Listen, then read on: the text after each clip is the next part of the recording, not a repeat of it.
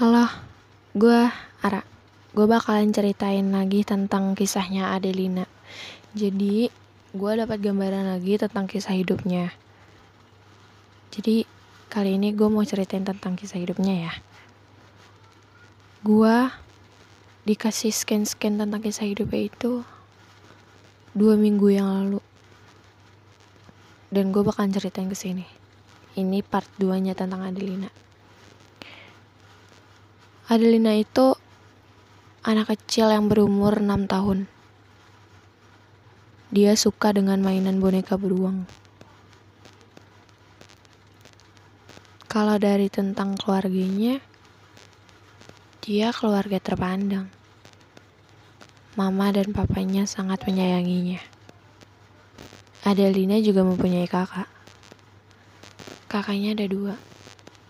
Yang pertama SMA, yang kedua SMP. Jadi Adelina itu anak yang paling kecil. Adelina itu ada di tahun 1985. Di mana yang setahu gua di situ ada kerusuhan karena gue di situ belum lahir jadi gue belum tahu. Jadi Adelina itu pergi ke pasar sama mamanya. Dia kayak nganterin mamanya gitu. Dia selalu megang boneka beruang itu. Ke mana pun dia pergi. Jadi dia selalu bawa boneka beruang itu. Semuanya berjalan lancar. Dan ketika pukul 12 siang ada suara ledakan dari salah satu pusat perbelanjaan di pasar itu. Adelina dan mamanya itu panik, panik banget. Karena dia nggak tahu mau ke mana, jadi dia ngumpet di kolong meja.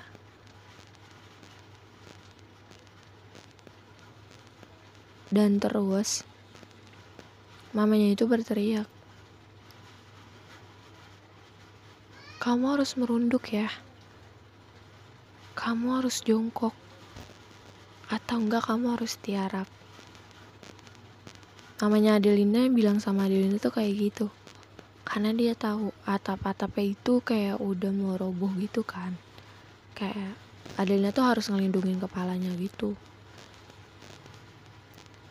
Mamanya Adelina tuh ninggalin Adelina sendiri di situ. Jadi mamanya Adelina itu mau cari bantuan. Karena emang di situ lagi pada panik banget. Jadi kayak nolongin kayak masing-masing tuh nolongin diri sendiri kayak gitu. Nah sampai akhirnya uh, mamanya Adelina tuh balik lagi. Balik lagi buat ngecek Adelinanya itu. Ternyata masih ada di situ. Mamanya Adelina tuh langsung ngegendong Adelina. Terus Adelina itu nggak sengaja ngejatuhin bonekanya mencari-cari bonekanya gitu. Terus kayak mamanya Adelina tuh na naro si Adelinanya itu di depan gedung dulu di luar gedung. Dekat sebuah toko gitu. Toko yang udah tutup sih toko yang udah tutup.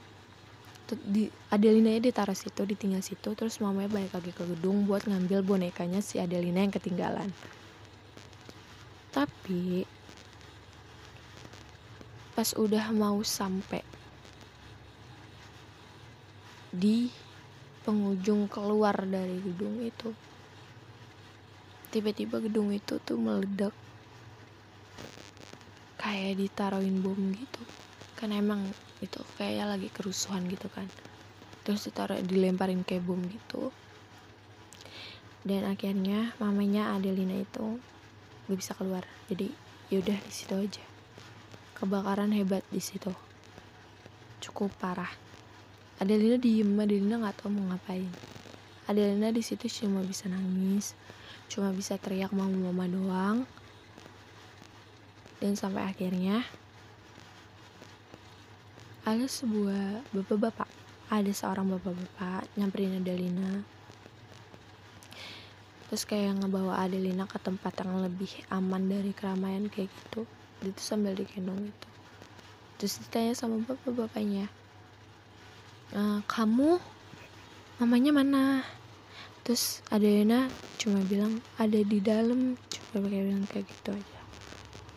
Sampai akhirnya ya udah bapak-bapak itu kayak cuma kayak cuma mukanya sedih gitu karena dia karena dia tahu itu nggak bakalan selamat.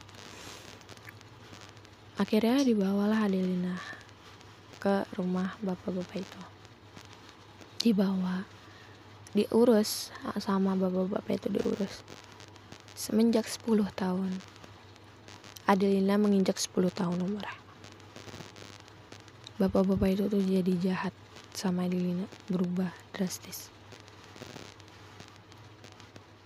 Berubah sangat-sangat berubah. Adelina dinodain Adelina dipaksa jadi pengamen dia disiksa. Di umur yang 10 tahun itu masih belia banget. Dan itu masih harusnya masih sekolah. Tapi Adelina itu nggak sekolah.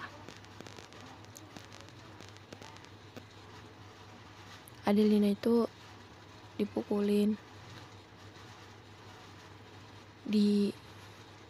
ditendang anak 10 tahun. Dan sampai akhirnya Adelina kelaparan kan. Dia nggak makan. Udah tiga hari itu Adelina tuh nggak makan.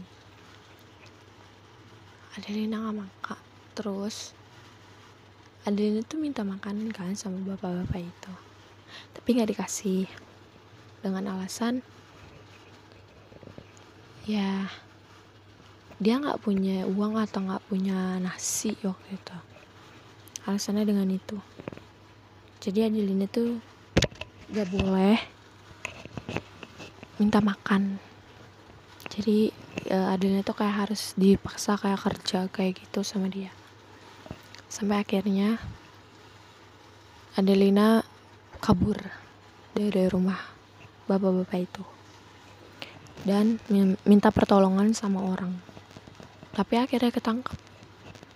Adelina ketangkep lagi sama bapak-bapak itu. Dan mau nggak mau Adelina balik lagi ke rumah itu. Akhirnya dia mencoba buat kayak minta makan lagi. Tapi nggak digubris. Nggak digubris sama sama bapak-bapak itu. Sampai akhirnya Adelina meninggal dalam usia 10 tahun di tangan bapak-bapak itu karena nggak dikasih-kasih makan. Adelina itu anak yang ceria, baik, sopan, nurut, penyayang, dan ini akhir dari kisahnya Adelina. Sekian dari gua. Makasih.